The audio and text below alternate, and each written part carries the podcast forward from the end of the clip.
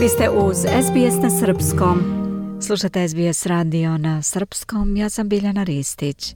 Prelazimo u svet nauke. Inženjeri Univerziteta Northwestern dodali su novu mogućnost elektronskim mikročipovima. LET.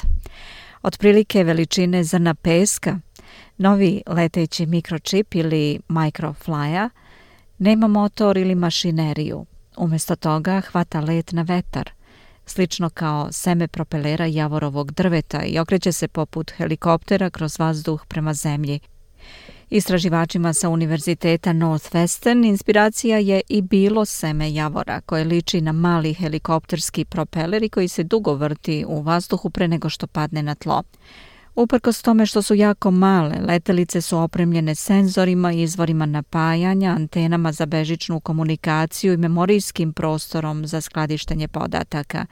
Njihova mala veličina je prednost jer im omogućava da se kreću poput polena ili semena, prikupljajući usput podatke o životnoj sredini na svojim malim mikročipovima.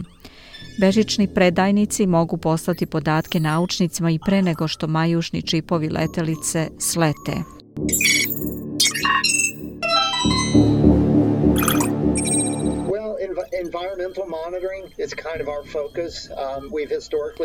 Praćenje dešavanja u životnoj sredini je ono što nas interesuje.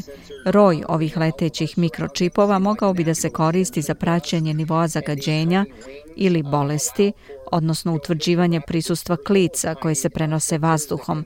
Mislimo da ova vrsta podataka omogućava praćenje širenja bolesti, što može pomoći u suzbijanju bolesti ili širenja hemijskih izlivanja, kaže profesor John Rogers, koji je i autor rada koji prati projekat i koji je objavljen u časopisu Nature. Rogers na konstataciju da mnogi ljudi osjećaju da ova dodatna funkcija mikročipova može da doprinese lakšem špioniranju ljudi, kaže da to nije bila inspiracija i za ove inovacije. I suppose, you know, any new technology could be used for nefarious purposes and that's kind of a risk that you have to Ja pretpostavljam da svaka inovacija može biti iskorištena u loše svrhe i to je rizik koji se mora uzeti u obzir kad se razvija nova inženjerska tehnologija. Shvatamo zabrinutost, ali to nije ono o čemu razmišljamo. Verovatno je to u realmu budućih mogućnosti ako se razmišlja o mogućim primjenama. Još jedno pitanje je šta se dešava sa ovim mikročipovima kad obave zadatak, da li ćemo ih udisati, mi ili životinje, da li se dezintegrišu u prirodi ili je zagađuju. Profesor Rogers smatra da je to važno pitanje.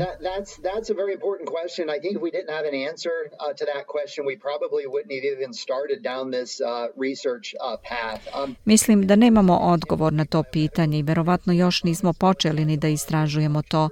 Zainteresovani smo za privremeni biomedicinski implant, elektroniku koja ulazi u telo i tamo funkcioniše jedan određen period i onda se na kraju dezintegriše i nestane tako da imamo mogućnost da napravimo biorazgradive forme elektronike i to je strategija, da ih pustimo u prirodu gdje će operisati u jednom određenom periodu i onda na kraju da se razgrade na način koji nije štetan što bi eliminisalo zagađenje prirode. Imamo način da to uradimo, kaže on. It's early phases of, of research, I would say. You know, we just published our first peer-reviewed paper on this. Ovo je tek u razvojnoj fazi. Tek smo objavili papire o ovoj tehnologiji. Ja predvodim akademsku grupu ovde na Northern West univerzitetu i to je istraživačka inženjerska nauka, to što radimo. Ali smo uzbuđeni, pošto ima interesa industrijskih i akademskih grupa za naš rad, kaže profesor John Rogers. Za više informacija posjetite rogersgroup.northwestern.edu.